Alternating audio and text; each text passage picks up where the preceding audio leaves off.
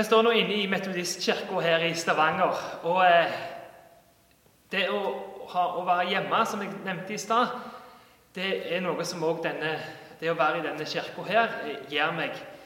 For i denne menigheten så er det jo at jeg har mer eller mindre vokst opp. Hadde min faste plass på bakerste benk sammen med søsknene mine og mamma. Og eh, ble av og til hysja på av de eldre når, de ikke, når, de ikke, når jeg bråkte litt for mye. Og eh, det var jo i denne menigheten at det var mennesker Noen av de lever ikke lenger, men det var mennesker som trodde på meg, som støtta meg, og som var med å hjelpe meg til å finne veien tilbake til Gud. Og Det å være del av en menighet, det å være del av en kirke, det er jo en del av det å komme hjem til Gud, som denne temaserien handler om hjemkomst. Og igjen, Utgangspunktet for temaserien er jo eh, Jesu fortelling om den eh, bortkomne sønn, eller sønnen som kom hjem.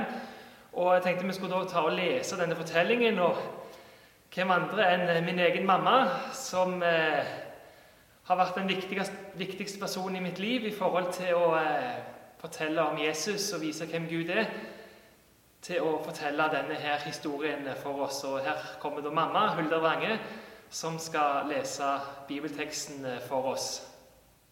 Jeg skal lese fra eh, evangeliet etter Lukas, kapittel 15, fra vers 11 og utover, i Jesu navn. Sønnen som kom hjem. Jesus sa en mann hadde to sønner. Den yngste sa til faren, 'Far, gi meg en del av formuen din som faller på meg.' Han skiftet da sin eiendom mellom dem. Ikke mange dager etter solgte den yngste sønnen alt sitt og dro til et land langt borte. Der sløste han bort formuen sin i et vilt liv. Men da han hadde satt over styr, kom det en svær hungersnød over landet, og han begynte å lide nød. Da gikk han og søkte tilhold hos en av innbyggerne der i landet, og mannen sendte ham ut på markene sine for å passe grisene. Han ønsket bare å få mette seg med de belgfruktene som grisene åt, og ingen ga ham noe. Da han kom til seg selv, sa han, Hvor mange leiekarer hjemme hos min far har ikke mat i overflod, mens jeg går her og sulter i hjel. Jeg vil bryte opp og gå til min far og si, Far, jeg har syndet mot himmelen og mot deg. Jeg fortjener ikke lenger å være sønnen din, men la meg få være som en av leiekarene dine. Dermed brøt han opp og dro hjem til faren. Da han ennå var langt borte, fikk faren se ham og han fikk inderlig medfølelse med ham. Han løp sønnen i møte, kastet seg om halsen på ham og kysset ham. Sønnen sa, 'Far, jeg har syndet mot himmelen og mot deg. Og mot deg. Jeg fortjener ikke lenger å være sønnen din.' Men faren sa til tjenerne sine, 'Skynd dere, finn fram de fineste klærne og ta de på ham.' Gi ham en ring på fingeren og sko på føttene og hent gjøkalven og slakt den, så vi kan spise og holde fest. For denne sønnen min var død og er blitt levende. Han var kommet bort og er blitt funnet igjen. Og så begynte festen og gleden. Imens var den eldste sønnen ute på markene. Da han gikk hjemover og nærmet seg gården, hørte han spill og dans. Han ropte på en av karene og spurte hva som var på ferde. Din bror er kommet hjem, svarte han, og din far har slaktet gjøkalven fordi han, ville, fordi han hadde fått ham tilbake i god behold. Da ble han sint og ville ikke gå inn.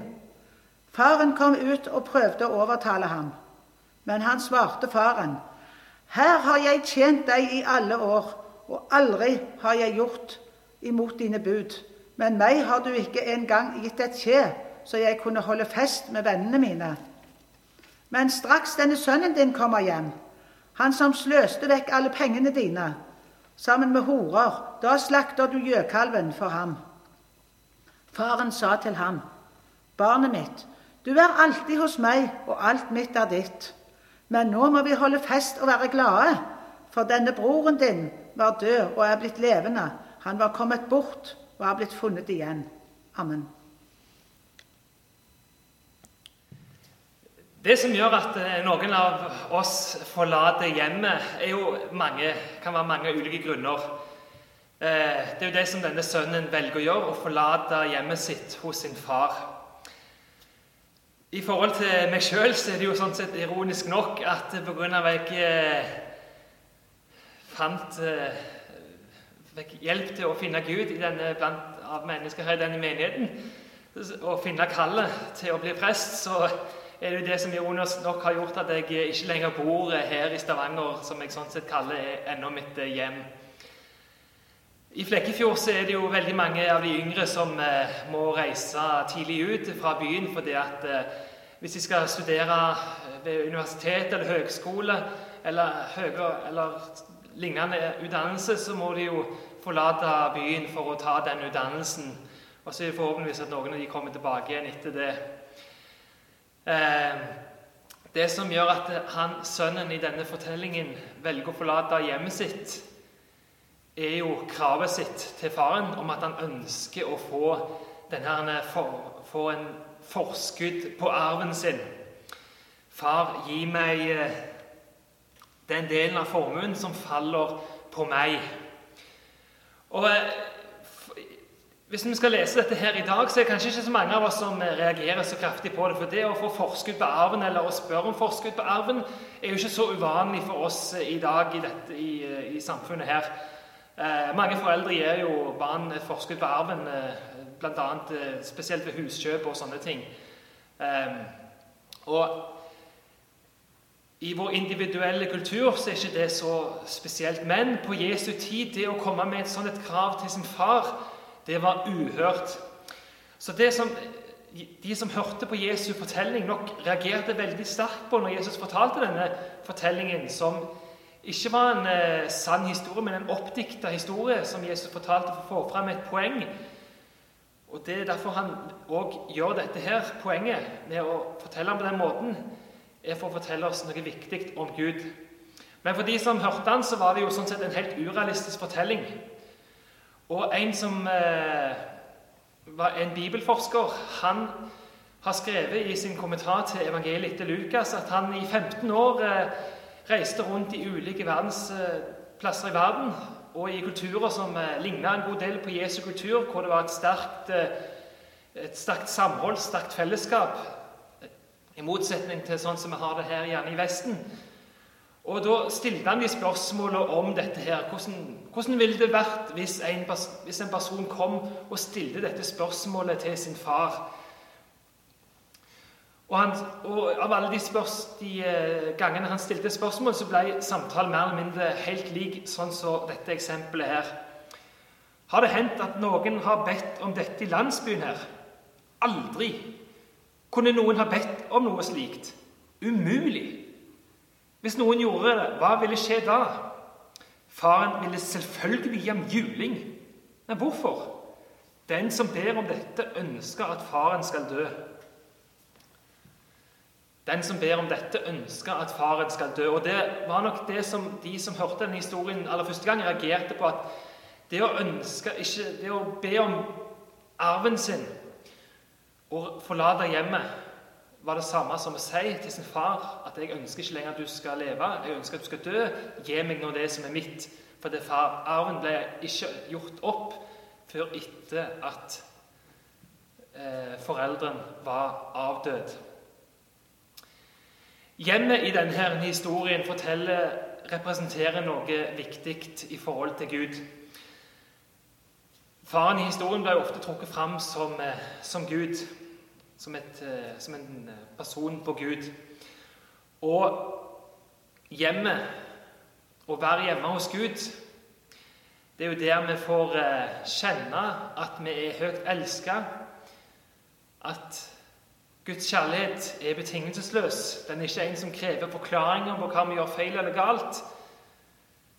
Hjemme kan vi få kjenne at vi er den elskede sønnen og at vi har en far som vil stille opp for oss og hjelpe oss i alt det vi trenger. Det er det Guds hjem representerer, og det er det også dette hjemmet i denne historien representerer. Så når denne sønnen sier til sin far at 'jeg ønsker ikke lenger å være en del av dette', 'jeg ønsker å reise', så er det at han velger å si nei takk til alt dette som faren tilbyr han av det gode. Hvorfor er det at noen av oss forlater hjemmet som Gud har for oss? Fellesskapet med Gud, hvor vi kan få erfare å være hans barn, og at han er vår gode far. Erfare at han elsker oss betingelsesløst. Uansett hva vi gjør, så elsker han oss like mye, og han vil være med oss. Og om vi gjør noe galt, så gir han oss tilgivelse igjen og igjen. Hvorfor velger vi å forlate dette her? Det er ikke alltid så lett å si, og det er mange ulike grunner til det for mange enkelte. Men når vi forlater dette hjemmet, så forlater vi òg gjerne kontakten med Guds stemme, som sier til deg at du er den elskede. Jeg elsker deg. Jeg er glad i deg, og jeg vil deg det aller beste. En stemme som peker på verdien av livet ditt, hvor høyt elsker du er, at du er Guds barn. Og Når vi velger å forlate dette her, så er det andre stemmer som får påvirke livet vårt. Noen av disse stemmene er ikke alltid de gode. Noen av dem kan være godt meint, men kan også være ødeleggende. Stemmer som sier til deg at din verdi er ut ifra det du får til.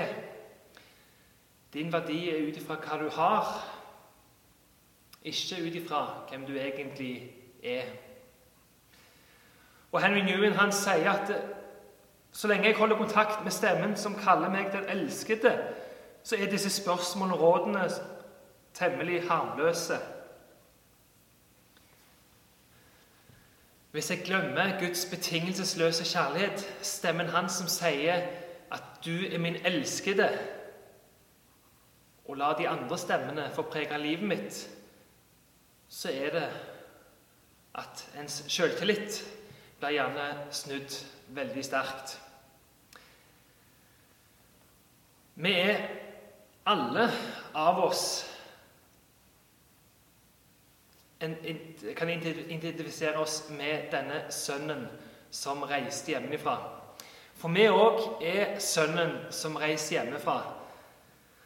Når vi ikke lar det få være Guds stemme som får påvirke våre liv, når vi mister tilliten og troen til Gud når vi fokuserer på hva Gud virkelig sagt, når vi lar sinne og sjalusi og hevnlyst og grådighet få være det som preger livet, og når jeg leter etter kjærlighet på andre plasser enn hos Gud, når jeg går til hele tida andre mennesker og forsøker å søke anerkjennelse for mitt liv enn hos Gud, som sier at du er elska like høyt uansett hva du gjør med livet ditt,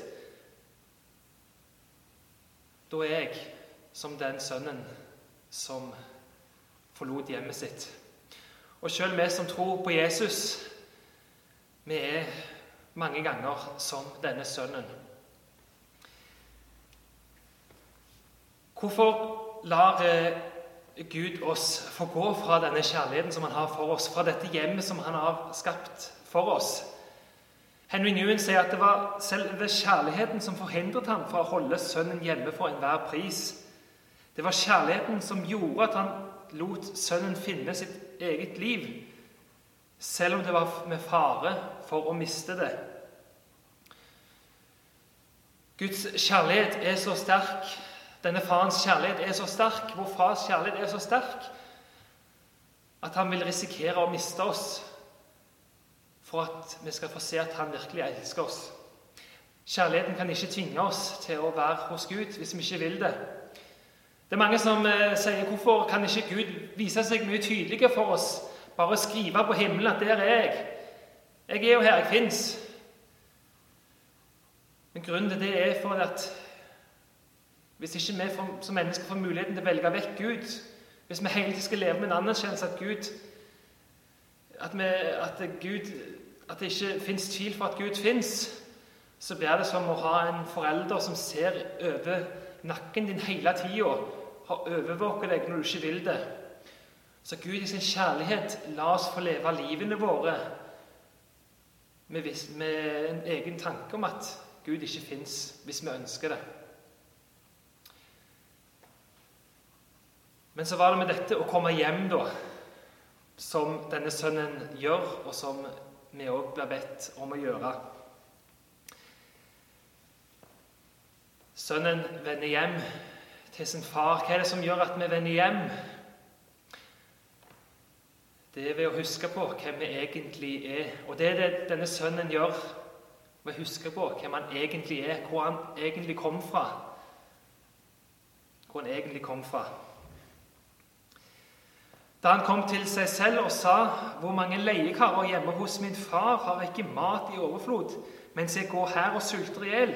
'Jeg vil bryte opp og gå til min far og si:" 'Far, jeg har syndet mot himmelen og mot deg.' 'Jeg fortjener ikke lenger å være sønnen din.' 'Men la meg få være som en av leiekarene dine.' Dermed brøt han opp og dro hjem til faren.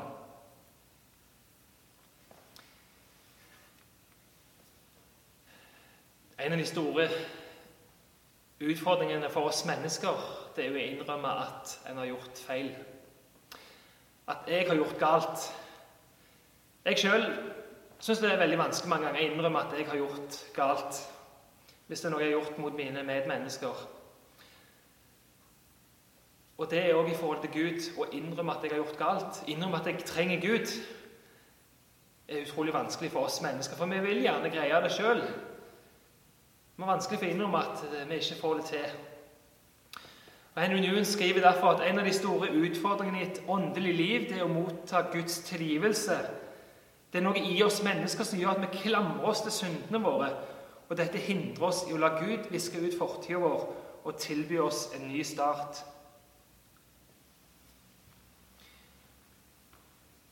Det er vanskelig, men det er det som gjør at vi vender hjem. Og Veien hjem også, kan òg være utfordrende. For på veien hjem kan du òg få stemmer som sier til deg at det du har gjort Det fins ingen tilgivelse for det. Du har brent alle bruene når du forlot dette her. Du er ikke god nok. Hva er livet ditt egentlig verdt? Du har mislykka totalt. Hvorfor skal du egentlig orke å gå videre? Ta bare og gi deg. Gi opp hele livet. Dette er jo ikke stemmer som kommer fra vår Far i himmelen, men det er stemmer som kommer fra Guds fiende, fra Satan, som ønsker å omslutte oss i et mørke, holde oss fast i et mørke, holde oss fast i de stemmene som ønsker å holde oss vekke fra det hjemmet Gud har for oss. Rembrandt, som malte et maleri om eh, dette, denne fortellingen om den sønnen som kom hjem, som Henry Newen eh, bruker som et utgangspunkt for boka som vi har denne taleserien fra Han har nok identifisert seg som denne sønnen som kom hjem. I det maleriet som han har malt, så kan en se sønnen uten sine flotte klær Håret er ødelagt. Du ser et menneske som er totalt knust, som ikke har noe igjen. Rembrandt han var jo en veldig suksessfull maler og var utrolig rik eh, stor, meste deler av livet sitt. Og han var veldig glad i rikdommen og i luksusen som det ga. Men på slutten av livet sitt så sto han uten alt dette her. Og familien sin hadde gått tapt til død. På slutten av livet sitt så var nok Rembrandt en ganske knust og ødelagt mann pga. alt det som hadde skjedd. Og Det er nok da han òg innser at det viktigste for meg det er å komme hjem til min far i himmelen. Så Når han tegner denne sønnen, så er det òg en tegning av seg sjøl, hvor han oppfatter at det som betyr noe, er ikke hva jeg har fått til i livet mitt, men det å ha en far i himmelen som kommer og tar meg imot, uavhengig av hva jeg har gjort galt i livet mitt, hva jeg har kasta det vekk på. Og sånn er det òg vi blir tatt imot når vi som Sønnen er kommet vekk. Vi får komme tilbake til vår Far i himmelen.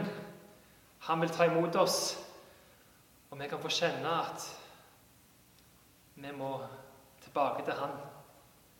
I maleriet så er det at denne sønnen har fortsatt et sverd som jeg kan nok litt dårlig vanskelig se på den eh, bildet som eh, kommer opp på skjermen. Så ta gjerne og søk opp bildet og se nøye på det.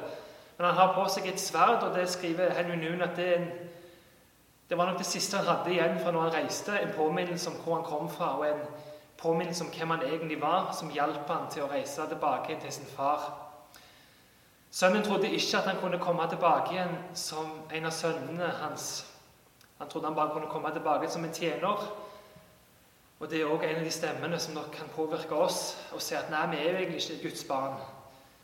For det vi har gjort, det vi har gjort. Men da er det at Guds stemme sier at, og tar oss imot at du er virkelig Guds barn. Jeg gir deg muligheten til å være et Guds barn. Så høyt elsker jeg deg. Jeg setter en strek over det som har skjedd, og det håper jeg òg du vil gjøre. Vi får en mulighet for en helt ny start hos Gud igjen og igjen.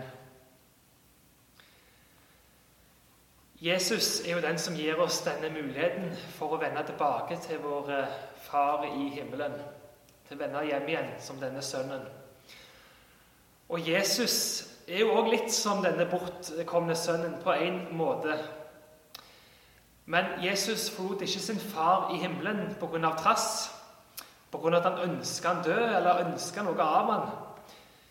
Men Jesus reiste fra sin far i himmelen pga. den høye kjærligheten som han har for deg og for meg og for alle oss. Som denne sønnen som reiste Jesus òg til et land langt vekke fra der han kom fra. Og Paulus, som var en av de viktigste lederne i den tidlige kirka, han skriver om, om, Jesus, om hvordan han gir avkall på dette som han hadde, i brevet til filipperne, hvor han skriver at han var i Guds skikkelse og så det ikke som et rov å være Gud lik, men ga avkall på sitt eget, tok på seg tjeners skikkelse og ble mennesker lik. Jesus steg vekk fra alt det flotte han hadde i himmelen med sin far, på grunn av meg og deg. Jesus kom fra posisjonen sin som Guds egen sønn til å fortsatt være det, men til å være menneskesønnen her iblant oss for vår skyld. Men fordi at Jesus ga livet sitt på korset, så fikk han muligheten til å komme hjem igjen ved at han sto opp igjen fra de døde.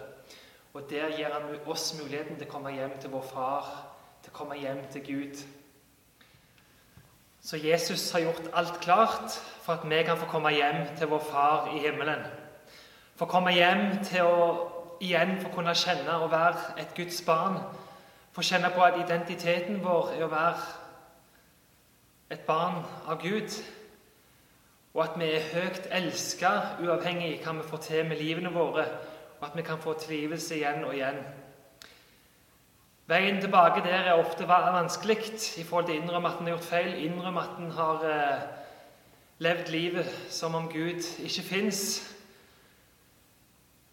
Men Jesus har ordna det klart for oss til å komme hjem. Så hva venter du på? Kom hjem til meg, du som er min elskede, sier Gud.